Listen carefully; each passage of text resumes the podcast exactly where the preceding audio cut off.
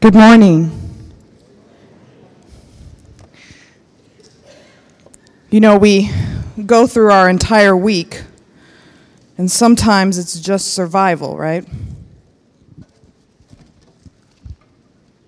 We go through our entire week, and we get to the Sabbath, and sometimes we're all out of energy there's very little more that we can give.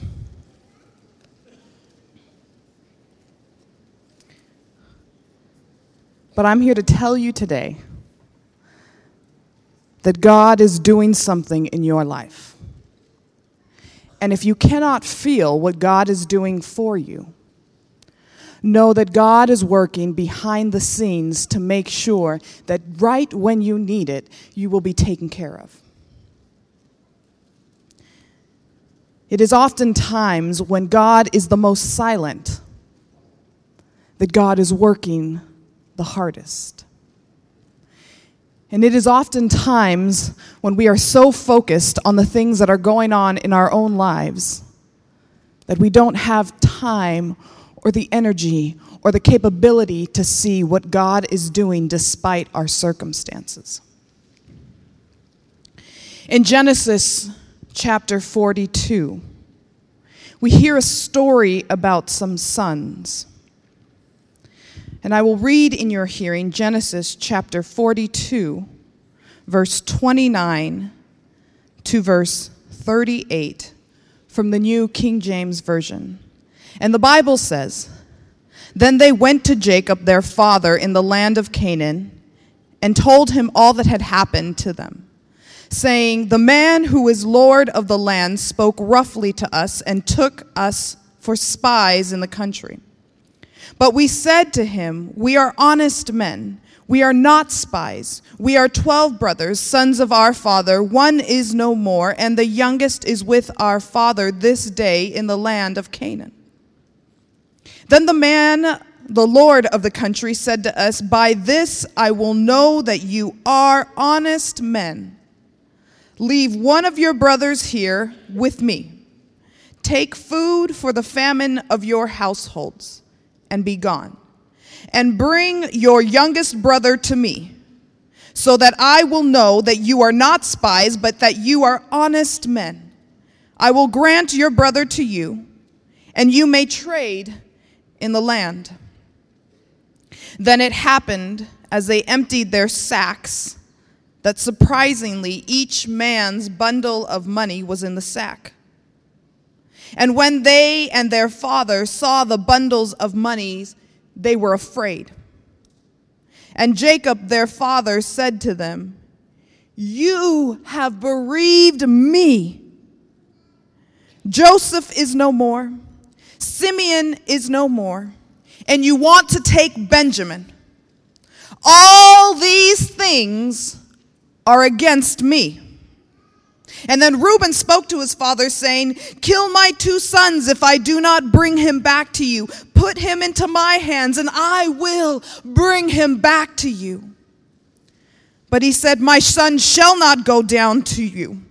My son shall not go down with you, for his brother is dead, and he is left alone. If any calamity should befall him along the way in which you go, then you would bring my gray hair down with sorrow to the grave. Our sermon's title today is A Grief Observed. Let's bow our heads for prayer. Our God and Father, use us starting today. We pray. Amen an author more well known for writing the Chronicles of Narnia series, C.S. Lewis, also wrote a book that chronicled his own story of having lost his wife. And he tells about this is his journal that he wrote every day, questioning if God was even there. This journal, he writes about how much he misses her and how hard it is to get up every single day.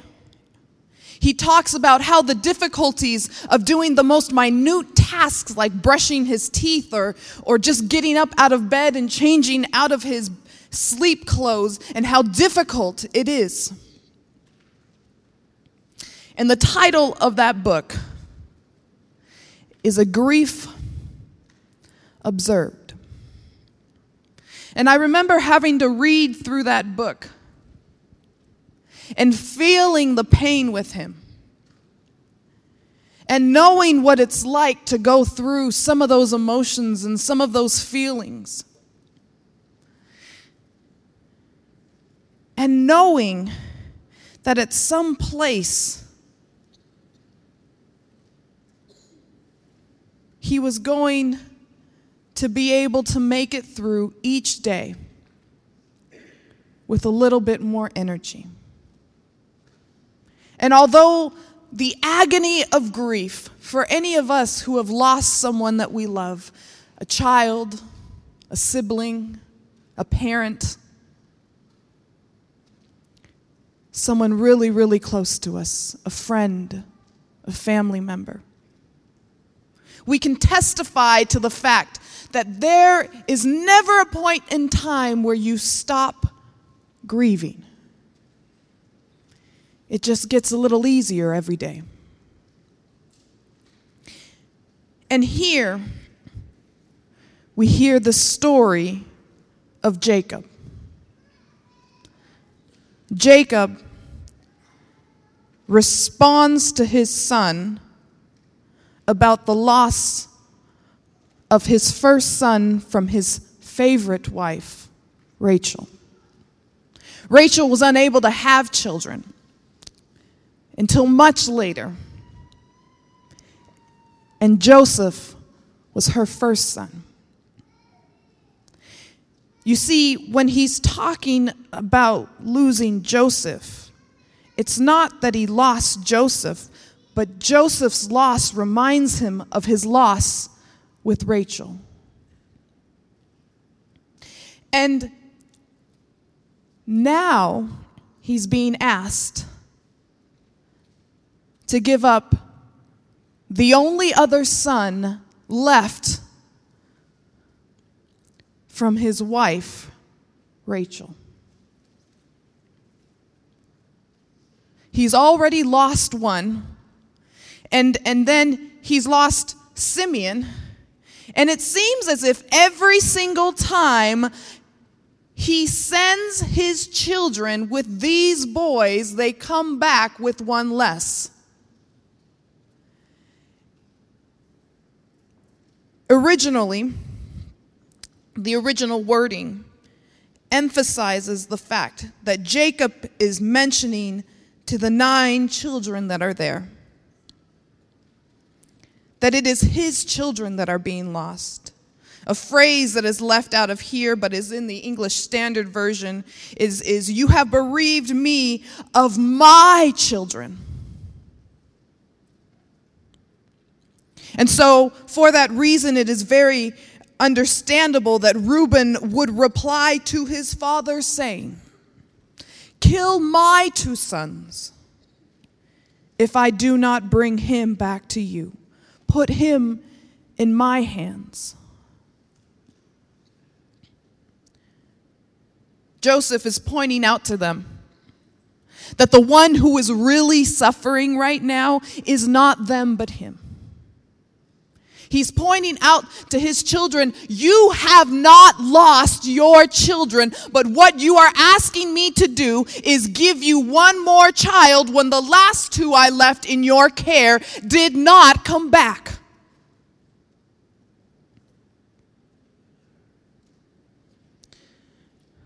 But the Bible says in Romans chapter 8, verse 28, the Bible says this.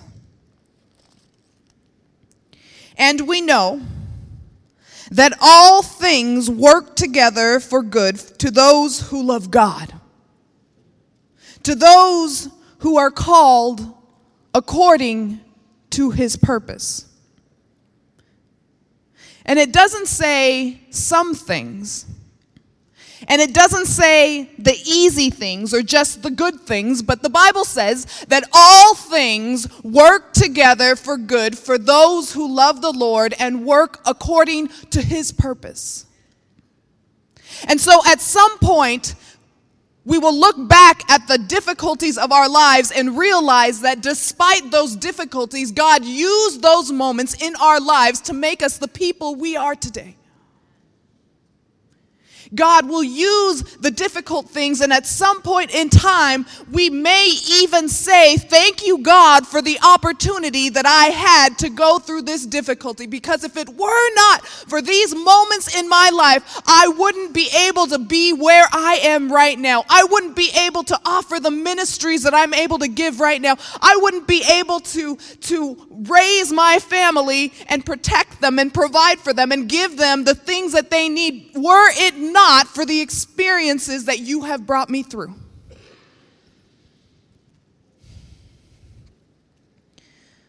But that does not seem to be on Jacob's mind at this moment. Jacob does not look like much of a prophet of God right now. And the temptation may even be to say, Jacob, just trust in the Lord. He'll get you through. You should just know that God is always going to come through for you. But we have to remember that Jacob's life has been a life of testing. Right now, all he sees is resistance in his life. Right now, all he feels is pain. I'm a bit of a runner. This past year alone, um, I ran my first two half marathons, and I um, was going to run my first marathon this year, but I got really sick, and I have to admit that I was kind of glad that I got sick because running is hard. It takes a lot of training.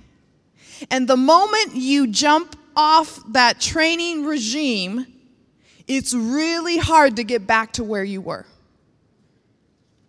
Because you have to train for endurance. It's not so much that you train for speed, you just train so that you don't stop running. My mother and I, um, uh, my mother, my sister, and I, we all did this first half marathon together, and and my sister and I had gotten up to about five to seven miles, and we decided to ask my mom to come along with us. We knew she was a little bit slower, but thought she would like to enjoy the run with us. And we told her, keep a slow pace because we had never run this, this far before. This was our first time. And my sister and I had run that path before. And we had run a little too fast and came back walking the last mile. So this time we knew we had to run a little bit slower so that we could actually make better time than the first. And we bring my mother along, who's a little bit competitive, might be where I get it from, and she keeps up with us and actually keeps a few steps ahead of us. Now, the longest she had ever run had been about 3.1 miles, a 5K. And by the time we hit the three mile mark, she was done with about three more miles to go, she couldn't make it. She went and pushed and gave it her all as far as she had in the past, not leaving any room for the extra mileage along the road. And sometimes in our lives, we do that. We get so used to depending on what we know that we fail to leave room for new experiences. And as a matter of fact, if those new experiences do come, we don't always welcome them. Jacob has been given a lot. He has come from running away from his family to suddenly growing to 12 sons and being a prince in the land. And one might even think that they would like to be just like Jacob. But we never ever take the time when we look at someone's position or when we look at someone's success or when we look when somebody has something that we want but yet we do not have, we look at them and we want the good things in their life without actually realizing that God had to take them through a process of difficulties to get there. So we want someone's success without the struggle. And Jacob right now is at a place where he is so torn and so beat up and has been so just torn down that if anybody looked at him and said that they would want the life that he has, he would gladly give it to them. Because so often we look at other people and we don't recognize that the sacrifices that they are making on a daily basis in order to get to where they are or to sustain what they have. But to those in which much is given, much is required. And God is constantly building, giving Jacob opportunities to build up his strength, to build up his endurance, to get through just one more thing. Everything seems negative, but this negativity is just resistance training. For those of us that go to the gym and may even do some weights, we know that the harder the resistance, the more the weights, the bigger the muscle. But oftentimes, in order for your body to make room for the growth of the muscle, the muscle itself has to tear. And with the tearing of the muscles in your body comes pain. I remember um, doing P90X and oftentimes coming to church with heels and a, a, hesitance in my step, and people would stop me and go, ugh, leg day. Because something happens when you are constantly working your body so much so that there is growth. But in order for there to be growth, there has to be the tearing of the new to make room, the tearing of the old to make room for the new. And in order for us to have these things, we cannot concentrate on the pain or the hurt. And there are things that you yourself may be going through there are things that may be going on in your life right now that are painful. It feels like something inside of you has been torn apart, and yet, sometimes through that tearing, God is giving you an opportunity to grow. But if we would just trust that God is the one that is control, if we would just trust that God will never leave us, that God will never forsake us, and that God will use all things to bring us into a deeper relationship with Him. And that all these things will work together for good. That does not in any way mean that God desires for bad things to happen in our lives so that He can teach us. But despite the bad things that happen in our lives, God will take the negativity in our lives, that take the negative situations, the negative relationships, the negative people, the heartache, the loss, the pain, and God will turn it around so that He will receive a blessing in your life. Jacob comes from a lineage. His grandfather, Abraham, left his country. And by leaving his country, he never did make it to this land that God told him he was, gonna, he was going to give to him. Abraham was told that he would have children like the sands on the seashore, like the stars in the sky. But when he died, he had two sons. Isaac, Jacob's father, did make it. He finished the journey his father started out. And in the womb of his mother,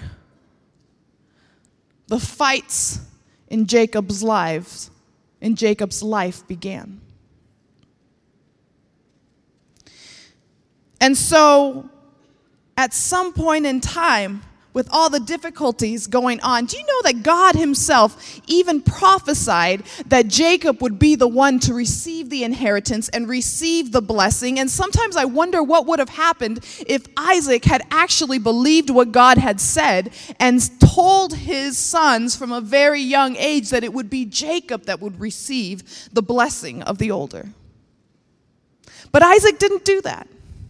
Expecting to bless his son, Esau, expecting to have him have the inheritance. Jacob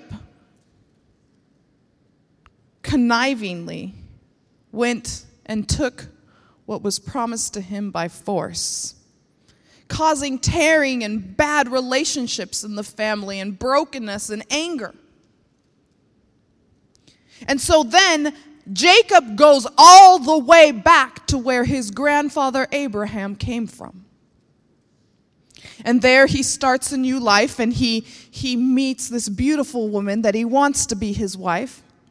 And for seven years, he works that he might be able to prove that he is a man that is good enough to keep her.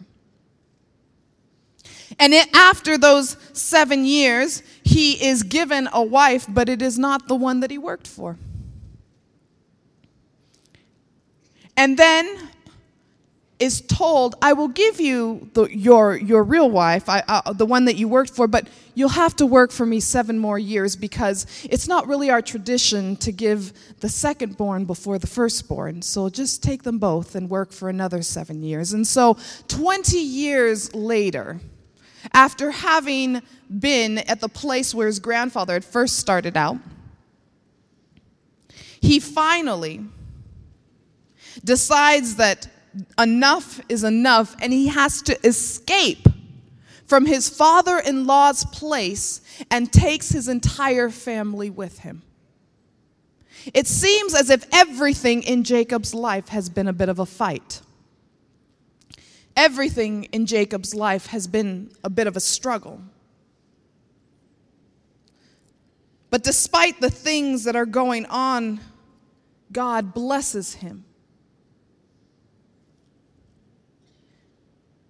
And so along the way, nevertheless, he's tired. And he suffered some blows. And there are even, there's even a story about where he himself wrestled with God. And in the midst of his wrestling with God, he comes away from it broken, unable to walk straight anymore. His hip, it's bad. And for the rest of his life, he walks with a limp. And Jacob is always fighting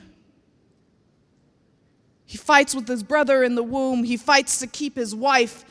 He, he fights for another wife that he didn't even know he, he was going to be given. And, and then he takes his family away and they, they fight to stay together. And then he fights with God himself. And he's tired. He's tired.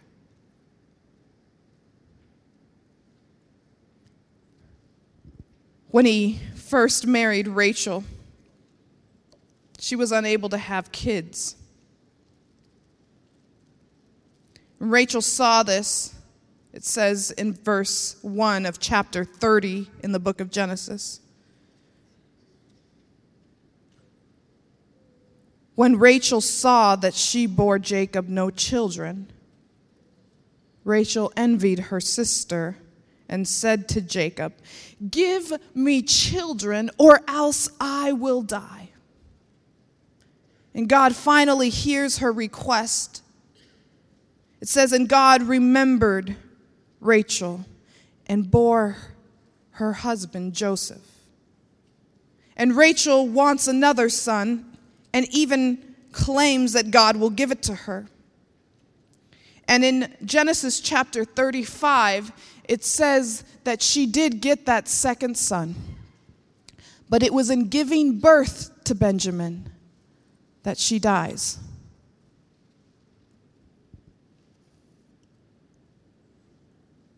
In chapter 37,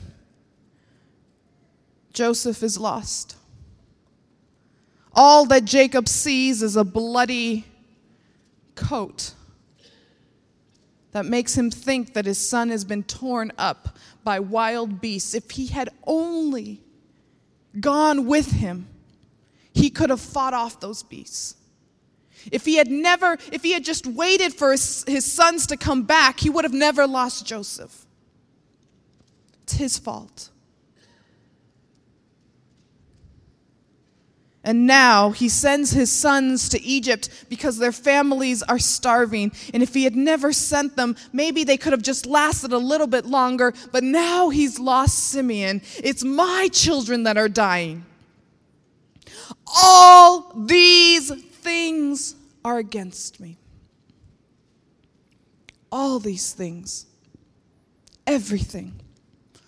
All these things are against me. All these things are against me. All of these things are against me.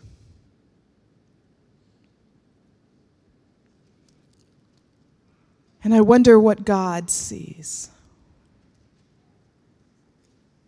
As he looks at Jacob, wondering if Jacob will ever hear, I'm with you, I'm right here. I never left, and I've got something planned for you, but you've just got to trust me. But Jacob, all the while, is holding on to the last bit of Rachel that he's got. And it seems sometimes when life gets out of control, we try to hold on to the issues, the circumstances that we can be in control of. And, and we actually may even have this need, this desire to be in control of something, of anything, because everything else is falling apart, because all these things are against me. And he holds on to his son and he says, You will not take him with you. You cannot have him too.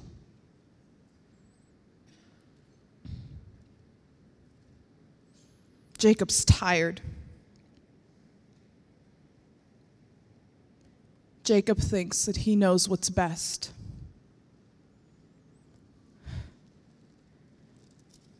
And I can't even be mad at him because I do it too. For some reason, I think that one of my primary occupations is an advisor to God, where I tell God what He needs to do in order to make sure that my life is where it needs to be. And I tell God what He needs to do in so and so's life so that they're not an irritation to me. And I tell God who he needs to prioritize his work on so I don't have to think about me.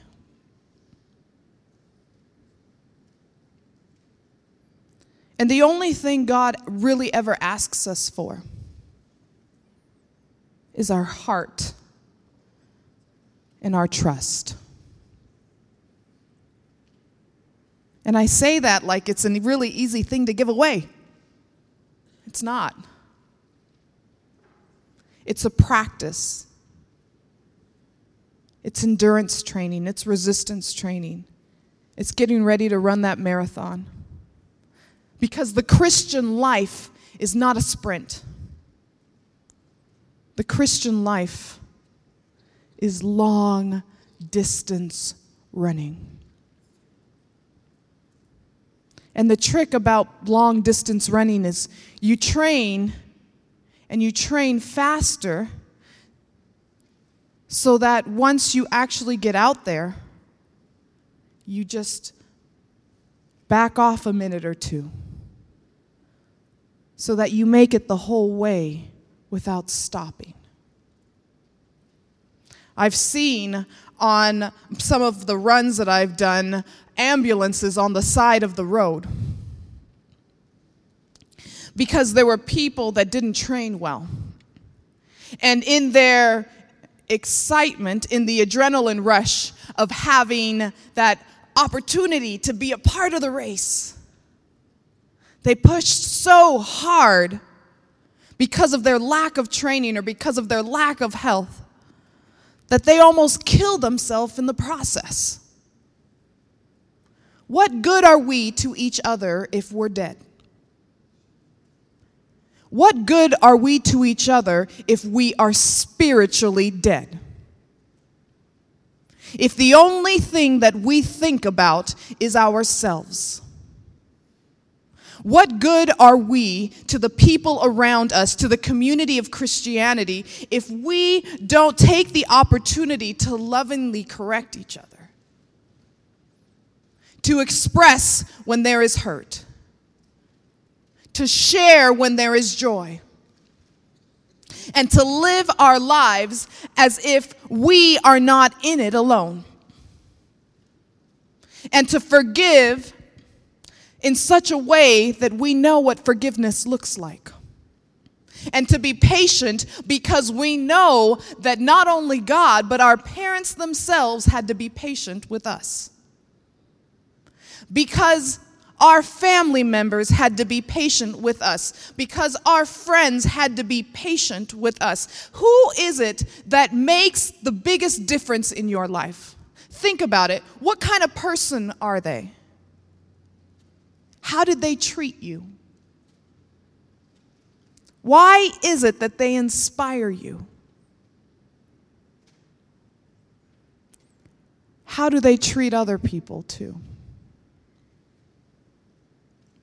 Usually, the answers we get are people that love you despite yourself. People that care and accept you even when you're a mess. Those are the friends that we keep for 15, 20, 25, 50 years. Their loyalty to us despite ourselves draws us to them.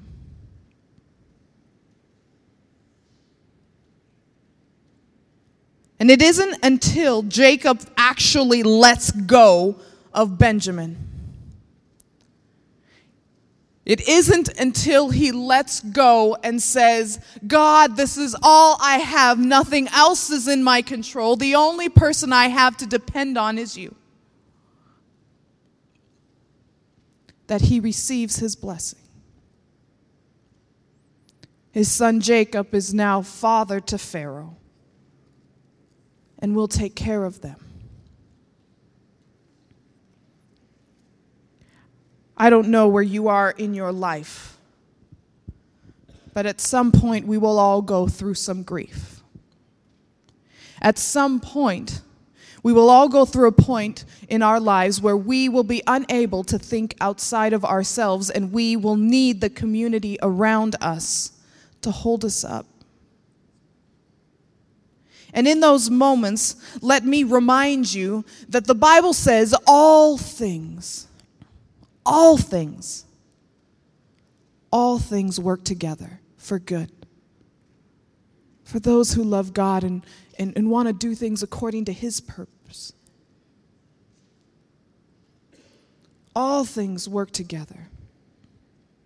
And when it looks like all things are against you, May I remind you that there is no one better to depend on than the one who created you. I've been doing um, some work in a hospital in Newport Beach. And I had this one guy that I've been visiting all week that has ministered to my soul. He's a writer, even, speaker, works in his church. He said that he's been blind and that he's lost his hearing.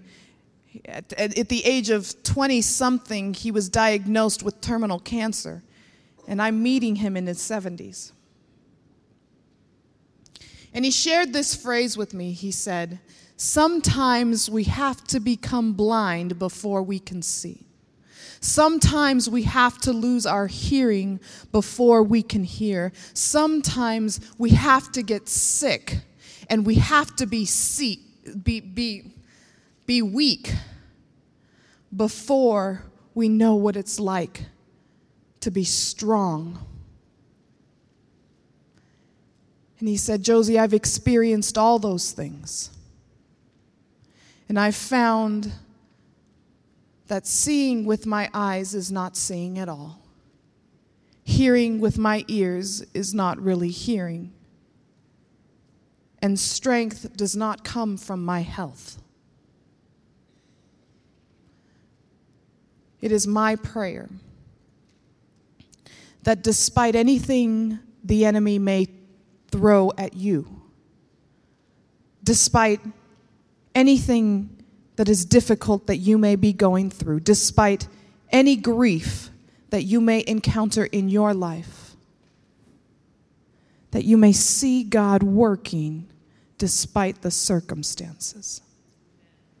That you may know that God is always faithful to you that God will never leave you, that God will never forsake you. And in the craziest of times, God will direct you out of a place that you thought He wanted you to be. And in the way that He moved Jacob from the land He promised his family to Egypt so that they can be taken care of, may God so move in your life so that he may provide for you. Let us pray. Our God and our Father, we thank you so much for loving us, for looking out for us, for guiding us, and for doing things that we cannot even see, for answering requests that we do not even know that we need to ask. God, we are so unfaithful to you. We are so unfaithful to each other. And if it were left up to us, none of us would ever make it to heaven. And so we thank you for Jesus' blood that covers us all. We thank you so much for the cross in which you were nailed to in our place. We thank you for that love. And we ask that you would show us what you want us to learn from the things that are going on in our lives that you would show us what you're doing in the world, that we may join in your work. And that you, oh God, that you may live in our hearts today. And all God's people said, Amen.